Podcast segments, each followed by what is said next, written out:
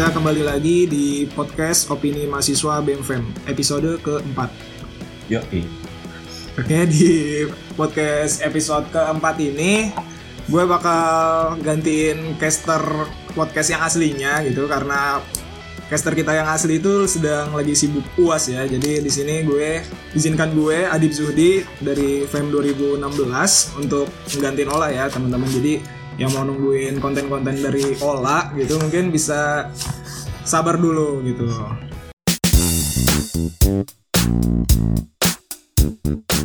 Oke, di langsung aja nih. Jadi di podcast episode keempat ini gue bakal ditemenin nih sama beberapa pejabat-pejabat kampus ya. Tapi pejabat-pejabatnya dari unsur mahasiswa nih teman-teman. Nah, langsung aja nih. Yang pertama kita udah kedatangan tamu dari kalangan BEM nih, tapi BEM sebelah gitu. Jadi ini merupakan Kadep Kastrat ya, Kadep Kastrat. Dia aktif di BEM Fakultas Ekologi Manusia. Satu-satunya itu di Indonesia. Jadi dia juga merupakan Kadep Kastrat BEM FEMA satu-satunya juga nih di Indonesia. Langsung aja kita sambut Randi Firmansyah. Oh. Oke. Uh, kok garing sih? Gak apa-apa lah. Kita bertigaan sih nih. Gak apa-apa. Oke, langsung aja nih. Yang kedua nih dari juga dari jurusan yang satu-satunya juga nih di Indonesia yaitu ESL gitu. Kita udah kedatangan nih Kahim ESL yang rupawan banget nih wajahnya. Jadi Set. langsung aja nih kita kedatangan kita kedatangan Kahim ESL. Jaki Muhammad Nur kita kasih plus dulu dong. Oke, kita nggak usah banyak cincong lagi karena tidak lucu ternyata ya. Kurang menarik perbincangan kita. Eh, emang ini kalau diskusi isinya cowok semua ini pasti nggak menarik. Gak apa-apa boy. iya. Namanya hidup. Iya, harusnya tetap kita undang ya si Ola ini ya. Gak apa-apa. Oke, langsung aja cuy. Ini di momen Ramadan ya. Alangkah kita baiknya kita mendiskusikan hal yang baik-baik nih dan ini kan menjelang lebaran juga ya, teman-teman ya. Jadi di momen Ramadan ini kita mungkin baru habis kelar pesta demokrasi dan kemarin ternyata pesta demokrasinya itu udah banyak banget dah polemiknya jadi kita di sini bakal uh, sharing-sharing nih ke lo orang pada yang dengerin podcast ini gimana sih tanggapan kita gitu tentang fenomena fenomena persatuan bangsa ini yang akan kita kemas dalam suatu tema yaitu seberapa pancasilaisnya sih kita gitu anak muda Indonesia di zaman ini gitu. Oke langsung aja nih. Jadi eh di momen 21 tahun ya, 21 tahun reformasi ini kita langsung disambut dengan sebuah tahun politik ya, tahun politik yang ternyata mungkin ya bagi beberapa kalangan itu bisa menimbulkan perpecahan gitu. Intinya merusak keutuhan bangsa gitu. Dan di sini kita tentunya kan dari zaman SD ya, dari zaman SD kita kan yang disuguhin dengan yang namanya Pancasila gitu. Itu konsep dari zaman dulu, dari zaman founding father kita nentuin bagaimana sih konsep negara itu. Jadi kita pertama-tama mungkin gue pengen nanya dulu nih ke kalian berdua, ke Randi dan Jaki, gimana sih makna Pancasila versi kalian ini? Mungkin bisa dari Randi dulu nih mulai. Ya menurut gua sebetulnya Pancasila itu bukan hanya butir-butir dan lima sila yang kosong. Sebetulnya di balik itu semua bukan hanya kita hanya menghafal saja, tetapi menghayati dan juga memahami sebetulnya lima butir itu apa. Jangan sampai dewasa ini kan kita tahu para pejabat, terus juga para elit-elit politik, ya kan? Mereka menyatakan bahwasanya sangat Pancasilais, aku Pancasila, tetapi besoknya kita lihat banyak yang masuk penjara, banyak yang korupsi dan lain-lain. Sebetulnya bukan itu substansi dari Pancasila itu sendiri sehingga sebetulnya dalam berbangsa dan bernegara konsep Pancasila itu bisa diterapkan apabila memang setiap butirnya itu mampu dihayati oleh setiap orang yang di dalamnya.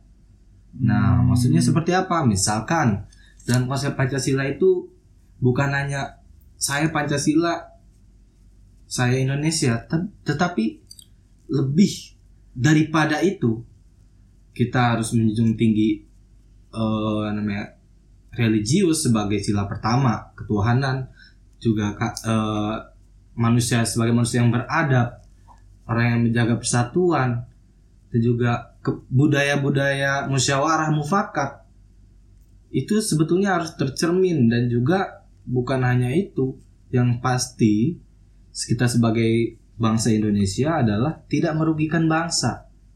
Itu sebetulnya makna dari Pancasila sebetulnya.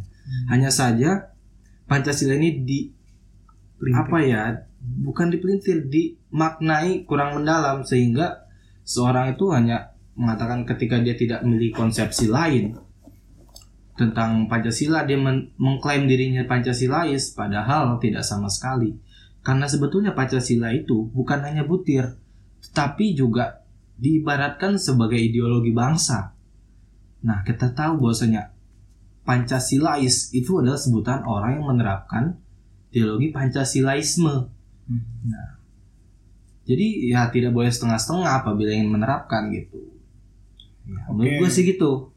Tadi gitu ya menurut Randi. Jadi di sini eh, mungkin tadi lu orang udah pada denger ya mengenai opininya Randi tentang Pancasila. Ternyata dewasa ini ternyata masih banyak gitu ya Ran elit-elit di negara kita ini yang menggembar-gemborkan Pancasilais, saya Indonesia, saya Pancasila, tapi ternyata perilakunya itu kurang Pancasilais ya gitu. Sepakat, sepakat. Nah, mungkin ada kaitannya juga nih tentang dengan kebebasan berpendapat itu kan ada di sila secara nggak langsung kan itu merupakan poin sila keempat kan ya tentang musyawarah mufakat nih.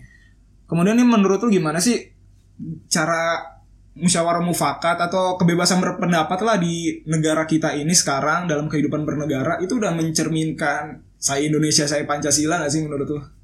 Ya sebetulnya musyawarah mufakat itu adalah ketika kita ingin mencari sintesis dari suatu permasalahan yang setiap orang itu memiliki kepala yang berbeda dan pendapat yang berbeda sehingga tercerminlah di dalam suatu kesepakatan dengan eh, alatnya dalam musyawarah untuk mencapai mufakat. Nah, ketika seorang itu takut untuk bukan mengemukakan pendapat, yang terjadi adalah dia hanya ikut-ikutan partisipasinya hanya tokenisme ketika kita sebut sebagai teori tokenisme adalah orang yang seakan-akan dia ikut padahal dia tidak ikut ya karena dia takut ingin mengemukakan pendapat Iya. Jadi dewasa ini ternyata banyak banget ya orang yang kejebak gitu dalam arus mainstream, ikut-ikutan gitu gembar-gemborin saya Indonesia saya Pancasila tapi ternyata cuma sekedar slogan dan dia tuh belum ngerti gitu makna aslinya gitu mungkin ya Ran. Iya. Oke, gitu dari poin-poin Randi intinya lo orang kalau pengen menjargorkan gitu saya Indonesia saya Pancasila alangkah baiknya gitu kita orang semuanya bisa refleksi diri dulu gitu. Refleksi diri dulu ke diri kita. Kita tuh udah Pancasila gitu nggak sih? Udah seberapa Pancasilanya sih kita gitu sampai kita bisa menjargonkan saya Indonesia saya Pancasila gitu teman-teman Oke selanjutnya yang udah nunggu-nunggu nih udah browsing-browsing materi juga nih kayaknya dari tadi banyak banget. Eh, nih udah bawa sampai wallpaper HP-nya nih diganti apa nih? Foto Pancasila gitu. Kalau lu orang lihat nih wallpaper HP-nya Jack ini udah diganti foto Pancasila yang ditempel di SD-SD gitu di, di setiap ruangan-ruangan gitu. Eh, langsung aja nih Jack gimana nih tanggapan lu tentang makna Pancasila dalam tataran gitu tataran bernegara di Indonesia saat ini. Ya, sebelumnya nih, teman-teman, gue tegaskan dulu ini adalah opini, di mana opini itu berbeda dengan fakta. Opini itu bisa benar, bisa salah. Kita juga bukan menganggap kita paling benar ya kan? Iya. Jadi eh, diambil aja yang positifnya kalau ada yang salah kata disaring aja. Jadi menurut gue pertama Pancasila itu yang paling yang paling apa namanya yang paling substansial adalah Pancasila itu adalah dasar negara. Clear ya, dasar negara. Nah, berarti segala-gala yang muncul dari kenegaraan kita yang ada di dalam negara Indonesia itu berdasarkan Pancasila. Setuju? Setuju. backsound backsound Heran lu tanggap kan bucin Oh, iya. mulu. Nah, eh kita lihat waktu itu gue pernah nanya di kelas eh, pendidikan Pancasila ke dosen gue, Bu, kenapa eh, Pancasila kan adalah dasar negara kita ya Bu, ideologi kita Pancasila. Tapi kenapa sistem ekonomi kita menggunakan sistem dari ideologi kapitalisme Bu? Kemudian sistem bernegara kita pakai sistem demokrasi bu. Yang di mana demokrasi ini adalah bisa dibilang anak dari kapitalisme bu. Nah eh, dan waktu itu lupa ya nama ibunya siapa ya ya Allah. Eh, Nah, ibu X, ibu X. Ibu X lah, Ibu X, dosen Pancasila pas PPKU itu menyampaikan ya memang ibu itu menyadari bahwa itulah mirisnya Indonesia sekarang. Bu- bukan hanya apa namanya gimana ya kalau melihat dari anak mudanya terus eh, apa namanya masyarakat masyarakat awam kita lihat dulu aja dari sistem bernegaranya juga dari elit-elit politiknya udah disampaikan oleh Randi itu bisa dibilang masih jauh dari dasar negara kita. Itu yang harus menjadi refleksi kita bersama, kita harus bercermin sebenarnya kita ini udah Pancasila atau belum sih? Yang juga harus dilakukan oleh uh, elit-elit politik, oleh uh, apa namanya orang-orang yang lebih memiliki wewenang dan kuasa untuk menyelenggarakan hal-hal yang tadi disebutkan gitu. Nah, kalau dilihat dari anak mudanya dan sebagainya tadi udah disampaikan oleh Randi juga, di mana masih banyak sih kalau gue pribadi. Ya gue mengakui diri gue juga nggak sepenuhnya belum sepenuhnya seperti itu. Dan bukan hanya bukan hanya di masyarakat awam anak-anak muda yang istilahnya nggak mendapatkan pendidikan yang uh, cukup. Ada yang lulusan SD lulusan SMP lulusan SMA yang ada di perguruan tinggi pun perguruan tinggi terkemuka pun masih banyak yang nggak mencerminkan nilai-nilai dasar negara Pancasila itu itu sih Wah, gokil, keren juga. Oke, jadi bener-bener lalu asik juga. ya. Oh iya. Eh, tadi poin yang kita tangkap nih ternyata eh, si- dari sistem negaranya aja gitu udah banyak gitu ya. Sistem-sistem anutan kita tuh yang nggak berasal dari dari diri kita sendiri gitu. Jadi kita banyak mengadopsi sistem-sistem dari luar gitu. Sebetulnya menurut menurut lu Deran, ini kan opini Jaki ya. Oh, Mungkin iya. lu bisa punya antitesisnya nih Ran. Eh, menurut lu nih ketika kita ngadopsi sistem dari luar kemudian kita mengklaim bahwa kita masih memegang dasar negara yang kita sebut Pancasila itu sebetulnya pengkhianatan gak sih dari bentuk dasar negara kita sendiri? Eh, sebetulnya gini boy. Jadi dulu itu dari sejarahnya ya Indonesia itu dari perang dingin itu tidak mengikuti blok barat dan blok timur. Jadi kita mencari suatu konsepsi baru sehingga lahirlah Pancasila sebagai konsensus bersama. Nah ketika itu ada beberapa ideologi juga yang mempengaruhi Indonesia pada akhirnya dicarilah suatu konsensus bersama dinamakan dengan Pancasila. Sebetulnya Pancasila juga eh, apa ya menjadi irisan di antara ideologi-ideologi tersebut seperti itu dan apabila tadi dibicarakan ada juga eh, apa sih namanya nilai-nilai atau ideologi import gitu ibaratnya Iya, Ya kan? bisa jadi. nah itu memang tergantung lagi kepada pribadi-pribadi karena sebetulnya Pancasila Pancasila adalah ideologi bangsa dan kita tidak tahu ideologi perorangan seperti apa jadi ya karena perekonomian itu lebih banyak juga dilakukan oleh perseorangan oleh perusahaan sehingga tidak bisa juga diatur dalam konsep bernegara sebetulnya. Karena memang pemerintahan kita baru kita baru merdeka dan pemerintahan kita belum terlalu kuat untuk itu. Ya, kita tahu kan ada perang dagang. Indonesia kan nggak bisa ikut. Ya itu dia dia. Dari posisi negara kita ternyata juga masih belum kuat ya. Gitu. iya. Jadi tadi Randi udah ngomongin tanggapannya tentang ideologi-ideologi just tip lah ini ya istilahnya. Tadi kan dia bilang ideologi impor, kalau gue bilang ini ideologi just tip lah ya, karena berasal dari luar. Mengingat negara kita juga udah dijajah oleh berbagai para penjelajah dunia gitu ya. Mungkin ada titipan-titipan juga gitu mengenai ideologi-ideologinya gitu. Nah, kita ngomongin sekarang ideologi just tip ini diterapkan di suatu negara yang fanatismenya ini tinggi gitu loh. Menurut pandangan lu orang pada nih, fanatisme yang ada di Indonesia itu fanatisme partisan kah? Fanatisme golongan kah?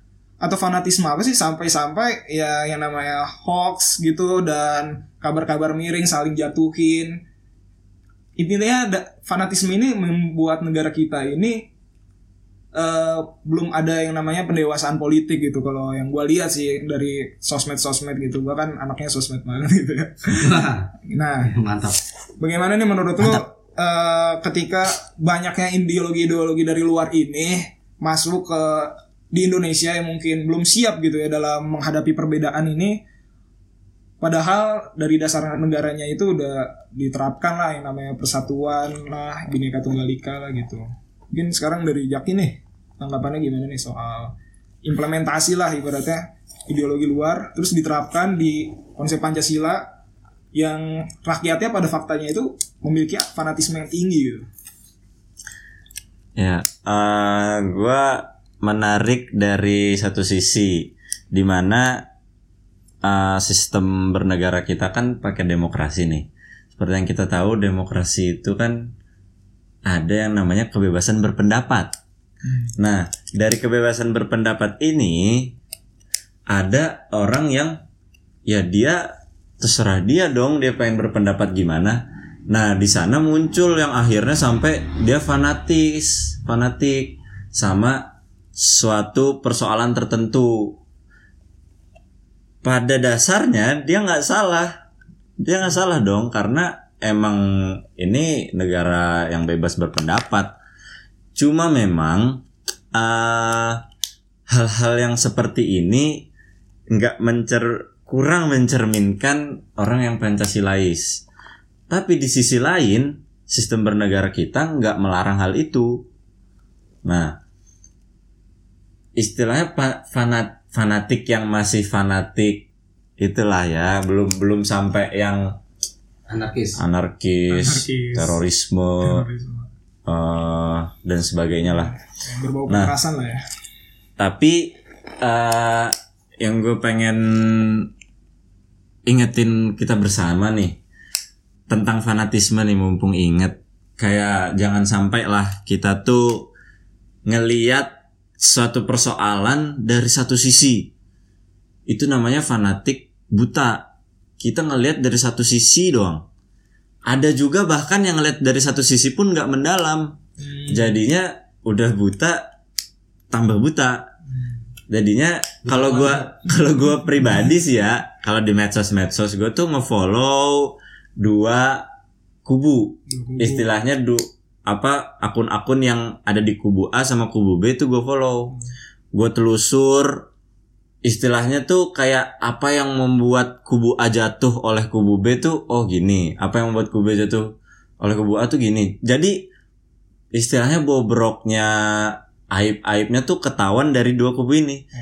Nah, jadi ya gue pribadi kayak gue mencoba mencari dari berbagai sisi biar gue nggak pro kontra buta. Kalau mau pro ya gue ada alasan, kalau kontra juga gue ada alasan. Ya tapi sejauh ini dari mengikutinya gue kedua belah pihak ini ya dua-duanya ya gitulah. Dua-duanya sama aja ya. Serupa tapi tak sama. Serupa tapi tak sama. Ya makanya buat teman-teman yang mendengar mungkin ada yang berprasangka ah lu mah itu coba makanya dicek dulu Cek dulu ya. cari kubu A tuh gimana gimana gimana kubu B tuh gimana gimana sampai pada akhirnya bingung pasti Iya, oke. mau milih yang mana sebenarnya kayak gitu kayak sebenarnya yang salah yang mana yang benar yang mana cuma paling akhirnya menarik kesimpulan udah yang mudaratnya lebih dikit eh, dan sebagainya ya itulah Iya. Tadi udah ditanggapin ya dari Jackie ya tentang gimana sih fanatisme dan ternyata fanatisme itu intinya ya diperbolehkan ya dalam sistem negara kita asal tidak Asal menuju belum ke- sampai ke yang kekerasan, anarkis dan sebagainya. nih. melanggar langgar Nah kalau menurut lo nih Ran fanatisme di Indonesia ini akan menuju ke anarkisme gak sih? Sebetulnya Fanatisme jenis apa pun. gini ya. Ada yang namanya fanatik. Ada yang namanya fanatisme. Nah, jadi itu kedua hal yang berbeda sebetulnya. Hmm. Ketika suatu orang fanatik, ya mungkin dia karena punya nilai-nilai yang harus dia pegang di sana.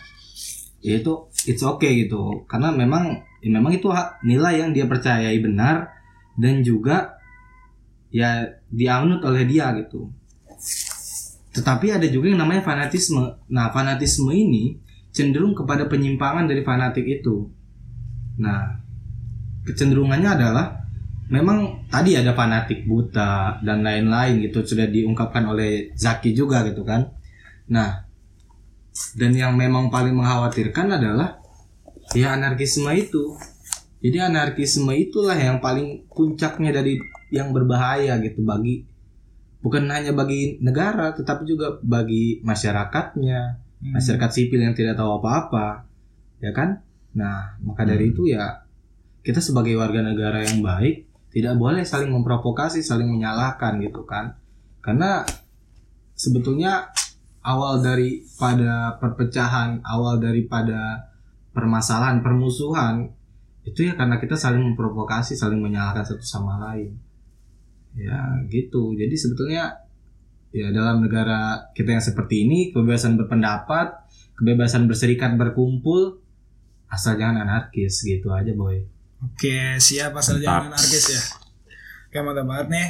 Terus kita kita mulai kaitin lah ya ke arah yang lebih dunia kita lah. Kita kan mahasiswa nih. Kita mulai ngarah ke dunia kita nih. Kita tadi udah ngomongin tentang sistem negara kita yang ter- ternyata menurut kalian berdua itu ternyata eh, belum sepenuhnya diterapkan sesuai dengan dasar negara yang udah merupakan konsensus kita yaitu Pancasila. Terus kita juga udah diskusi tentang fanatisme dan eh, tentang refleksi ke depannya apakah berujung dengan anarkisme atau enggak dan kita tentunya sepakat kalau anarkisme itu harus dicegah gitu ya di negeri ini. Kemudian kita pengen kaitin nih kedua hal itu tentang sistem negara kita, terus praktiknya langsung deh nih nih, di kehidupan mahasiswa. Gimana sih caranya supaya bukan caranya ya menurut lu nih realita mahasiswa saat ini tuh udah Pancasilais sebenarnya sih? Dari refleksi kehidupan mahasiswanya nih gimana nih menurut mas-mas di depan gue nih? Dari Randi dulu deh lanjut dulu nih statementnya tentang anak muda dan mahasiswa dalam menyikapi Pancasila dalam aras yang lebih khusus yaitu perseorangan sebetulnya kita tidak bisa mengeneralisir orang itu Pancasilais atau tidak. Nah, tetapi apabila kita akumulasikan ke dalam satu hal standar yang sama terhadap nilai Pancasila dan juga apa namanya mahasiswa yang umum, sebetulnya konsep Pancasila ini setengah-setengah diserapnya. Karena memang tadi lagi-lagi ada ideologi-ideologi yang memang eh, tidak sesuai atau mungkin cenderung des apa ya destruktif terhadap Destruktif. Eh, nilai-nilai tersebut. Misalkan ada nilai-nilai hedonis Hedonis iya kan ya. terus makan nggak Iya. Iya kan Ini anak FEMA banget sih, ini anak FEMA banget. iya parah Anak FEMA Hedonic juga sih. price. Hedonic price. hedonis Hedonic jadi ya price method.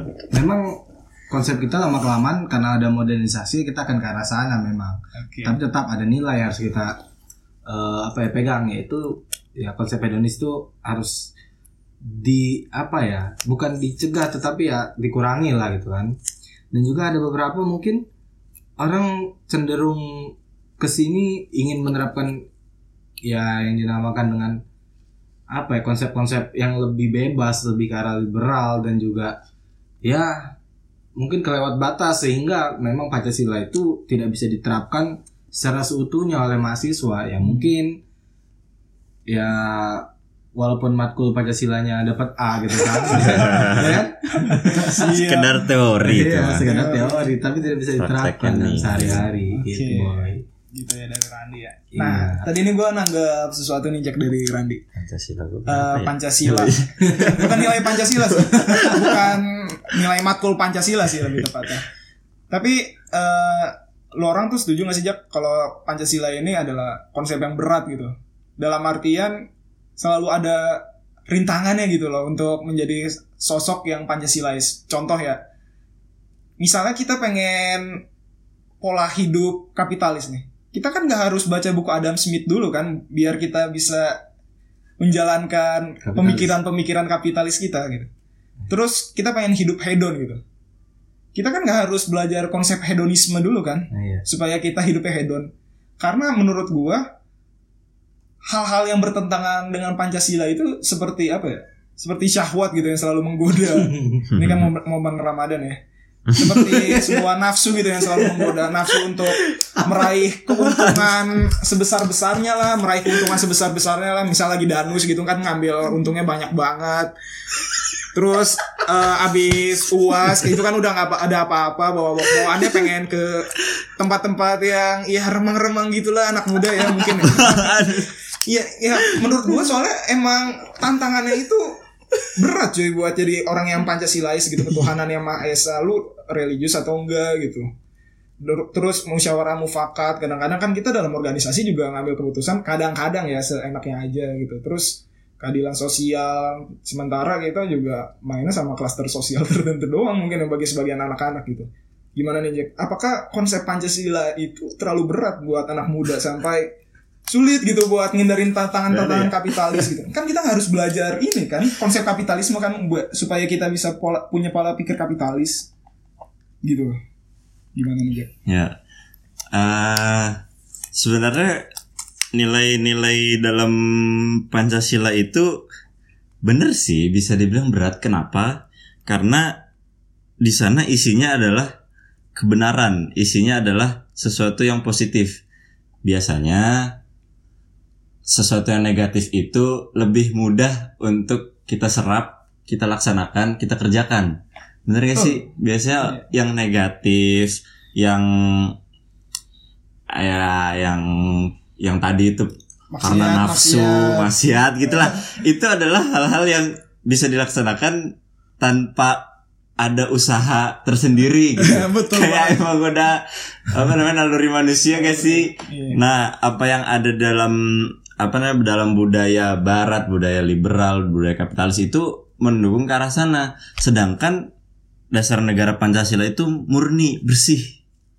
Nah, Sih. itu berlawanan arah dengan hakik apa naluri naluri normal manusia di mana yang negatif-negatif itu lebih mudah untuk dilaksanakan. Jadi kalau pertanyaan lu kayak tadi ya emang bener sulit. Dan juga sekali lagi tadi yang udah dibahas sama Randi juga karena ideologi Pancasila ini juga kan dirancang kar has karena hasil dari Indonesia itu nggak mau ngikut ke sana dan ke sini. Indonesia membuat sendiri.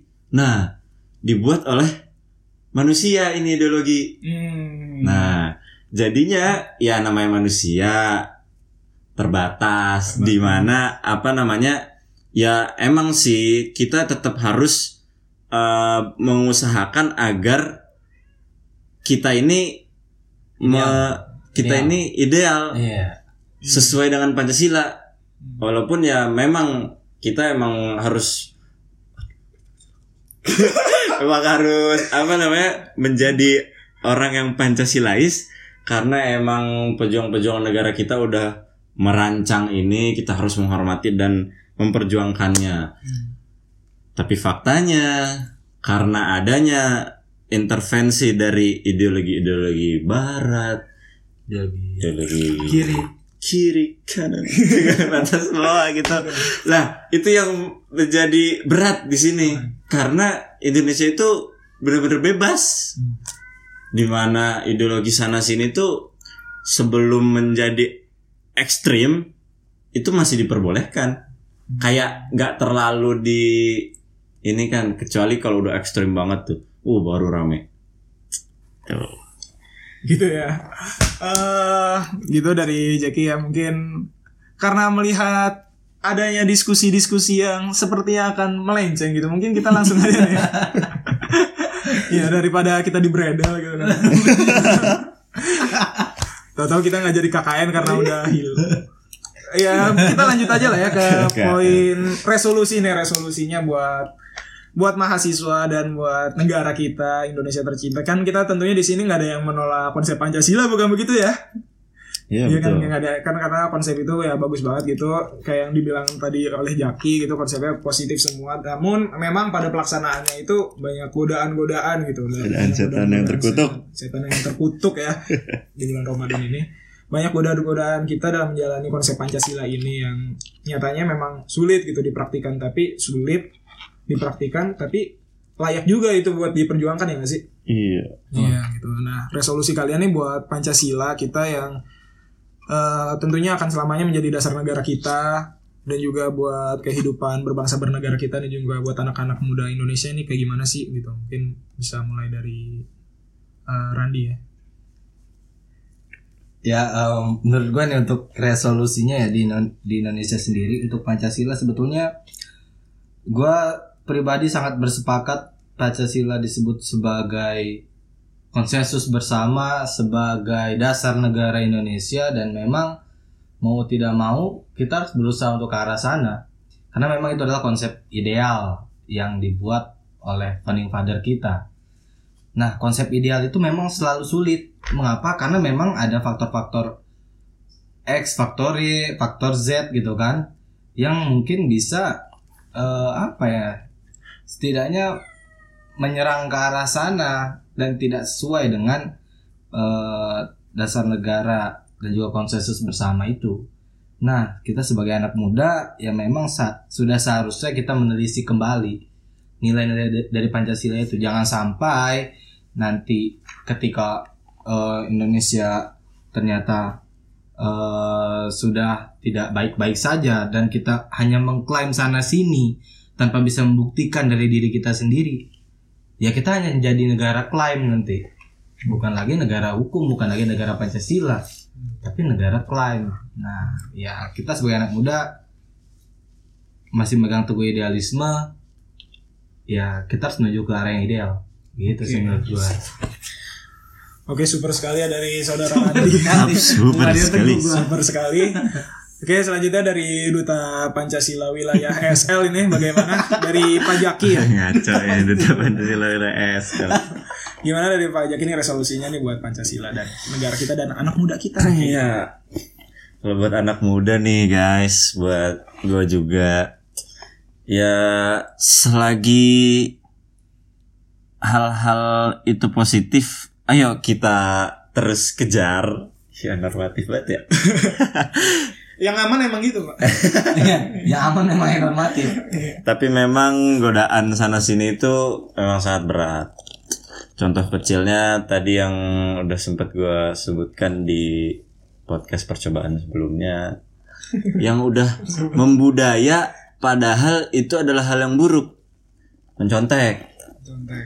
mencontek yang terstruktur, masif dan sistematis. Bahasa-bahasa kita berat juga. ya. Ini yang dengar pusing lagi. Bahasa-bahasa duta Pancasila. Oh iya benar. ya yang kayak gitu itu udah biasa nggak sih di SMA di kuliah itu gak sering mendengar hal itu jadi kayak nggak wajar apa nggak apa namanya nggak nggak bingung kenapa kok banyak koruptor di Indonesia ya emang budayanya emang udah seperti itu. Nah mumpung kita nih ada di umur-umur ideal menuju umur-umur ideal pemegang kekuasaan sana sini ayo kita coba hilangkan dari hal yang kecil. Karena menghilangkan hal yang kecil akan mencegah hal yang besar. Jangan coba-coba untuk menanggulangi tapi cobalah untuk mencegah Mencegah. Lebih baik. karena dengan mencegah tidak perlu lagi menanggulangi. Oke kita aja deh. Oke, thank you banget nih dari Jaki duta Pancasila wilayah SL. Sorry maksud gua. Ketua himpunan SL 2019 dan juga himpunan profesi Risa. Himpunan Profesi Risa 2019. Kemudian Tuh, dari bukunya tuh di bukunya Oke, siap siap. dari Kadep Kastrat BEM Sefema ya. Sepema. BEM siap. Sefema satu-satunya di Indonesia Kadep Kastratnya dia doang ini. Thank you banget udah hadir di sini, oke. Oke nya semuanya pokoknya ini kan podcast opini mahasiswa ya. Jadi eh, jangan menganggap kita ini orang-orang yang sok benar atau bagaimanapun. Kami mengakui banyaknya konten-konten yang menyeleweng gitu dari yang dari podcast ini tapi mohon dimaafkan dan mungkin menyeleweng mungkin berbeda pendapat sama teman-teman Iya, oke. Sip. Iya, jadi intinya mohon maaf apabila ada salah-salah kata dan di bulan Ramadan ini alangkah baiknya kita di bulan yang penuh rahmat dan makfiro ini ya, kita sama-sama menyampaikan permintaan maaf kita dan menjaga perdamaian lah intinya di negeri kita Indonesia tercinta ini. Oke, intinya dari semua podcast ini bisa diambil yang baik-baiknya dicerna gitu, yang mana yang baik dan yang mana yang buruk. Kita semuanya mohon maaf di sini apabila ada kesalahan-kesalahan. Gue Adip, Jaki dan juga Randi pamit undur diri. Selamat menjalankan ibadah puasanya dan selamat berlebaran juga buat kalian yang merayakan. Eh, kurang lebihnya mohon maaf. Thank you. Salut buat kalian yang udah dengar sampai detik ini. Selamat tidur. Bye. Assalamualaikum. Waalaikumsalam.